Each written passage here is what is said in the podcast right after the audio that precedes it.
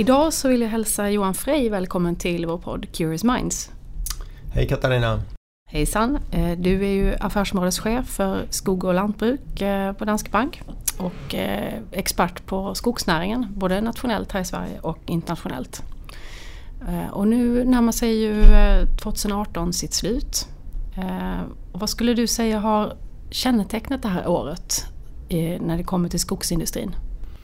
Ja, Katarina, jag, jag, jag, tror faktiskt att eh, 2018 det kommer att vara ett år som skogssektorn kommer att minnas som ett av de bästa. Men också mest omvälvande. Eh, det har ju varit extremt höga priser på exportprodukterna, såväl trävaror som eh, massa, pappersmassa och även papper har haft bra priser. Så att eh, Eh, eh, pappersmassa har ju haft rekordpriser med 1230 dollar per ton här och det har legat där ett bra tag.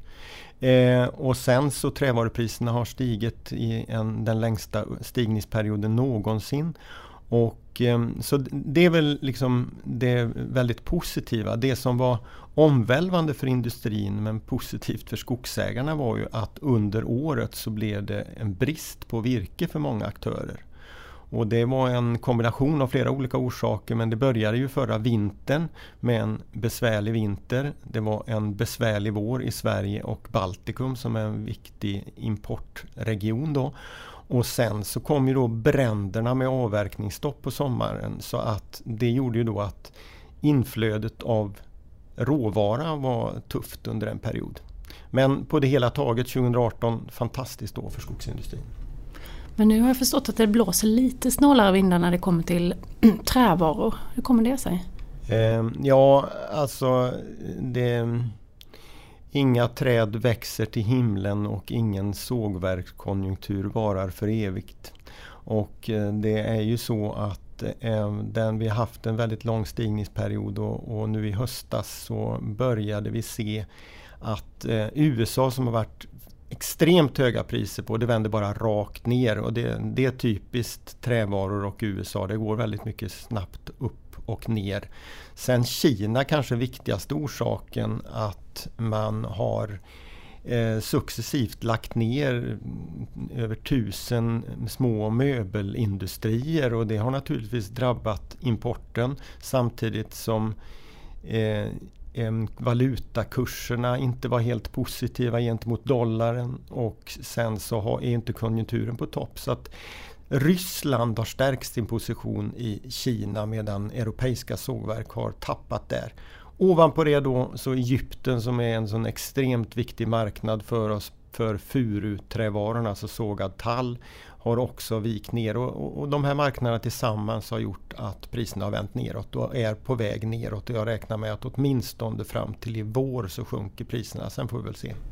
Och efterfrågan på massa den, den håller i sig eller hur, hur ser ja, det ut? det ser den ut att göra. Sen är det, det är Kina som är ett eh, litet orostecken även där men i dags dato så vågar jag inte säga att den svänger ner Eh, på betydande sätt i alla fall. Vi tror faktiskt långsiktigt att det ser ändå positivt ut för pappersmassa eftersom även om svenska och finska bruk har byggt ut mycket så internationellt sett så är det kommer, tillkommer det egentligen ingen ytterligare kapacitet att tala om de närmaste åren. Så det ser positivt ut för pappersmassa som har blivit så otroligt viktig för Sverige nu med de här stora investeringarna framförallt på Södra och SCA. Mm. Och vad innebär de här olika vad ska man säga, lite motstridiga eh, egentligen av signalerna för industrin? Ja, för industrin så, ja för sågverken så, så är det, man brukar ju säga just den branschen att den, den marknaden står aldrig still utan antingen så går den ner eller upp. Den går aldrig sidleds. Och nu går den ner och det normala är ju att den ska gå ganska ordentligt ner innan den vänder upp igen. Vi har då sagt att vi tror att sågverks och övrig skogsindustri kommer att få en något minskad volatilitet på grund av att eh, det är klimatsmarta produkter och det sker en svängning då i samhället att använda de här. Vi får väl se om vi har rätt alltså, det, men historien talar emot det. Då kommer det fortsätta ner även efter våren på trävaror. Massa som jag sa, det är svårare att bedöma då. Mm. Och hur ska man tänka som skogsägare tycker du? Ja, som skogsägare så har det ju varit extremt bra under en ganska lång period nu. Vi tror att det kommer att fortsätta vara bra. Eh, massaveden, det, det kommer så vitt vi kan bedöma så kommer det vara brist på massaved i Sverige och massaved, strömmarna av massaved har ändrats väldigt dramatiskt under det senaste året. Den fraktas hit och dit och köps åt både norrut och söderut. Va? Så där tror vi att priserna kommer att ligga fast. Men det som ger det stora kassaflödet för en skogsägare det är ju timret då som man sågar. Och där är det väl troligt att vi har sett det bästa nu. Så ska man vara med på den här konjunkturtoppen då är det nog läge att avverka nu i vinter. Mm. Och vad har vi mer att se fram emot 2019 skulle du säga? Har du någon bra spaning? Ja, vi har ju pratat mycket om skogsindustrins nya produkter under det här året och då såväl avancerad kemi som drivmedel då. Eh, det vi ser, nu kommer inte det att ske 2019 i ett svep, men det vi ser, vi kommer att få se en mängd olika satsningar i de flesta skogsindustriföretagen när det gäller drivmedel att omvandla antingen restprodukter, ja, i huvudsak restprodukter men även grot då, till eh, biofordonsbränsle, biobaserat fordonsbränsle. Och det, det startar nu i stor skala. Det är egentligen bara Sunpine i Piteå då, som producerar ungefär en terawattimme som har funnits hittills. Men nu kommer de på ett pärlband här. Skulle du säga att Sverige ligger bra till eh, just eh, när det kommer till utvecklingen av de här nya produkterna? Alltså hur står vi oss internationellt?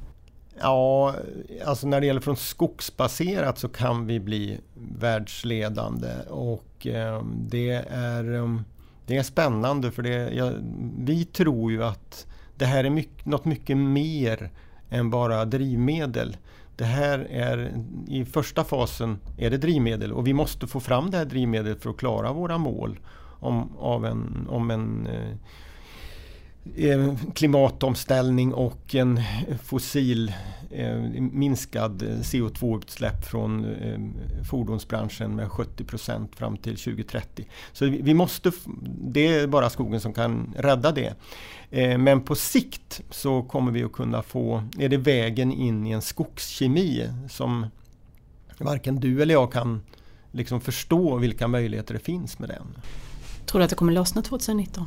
Ja, men det, mm. det, är det vi säger. Det kanske lossnade lite grann 2018 och det, 2019 så tror vi att det då kommer vi förhoppningsvis att få se några beslut om storskaliga satsningar. Mm. Mycket spännande tycker jag att följa det här. Och eh, en god jul först skulle jag säga och ett gott nytt år. Så Tack ses vi en bit in på nästa år. Ja, ser jag fram emot. Tack, Tack. så mycket.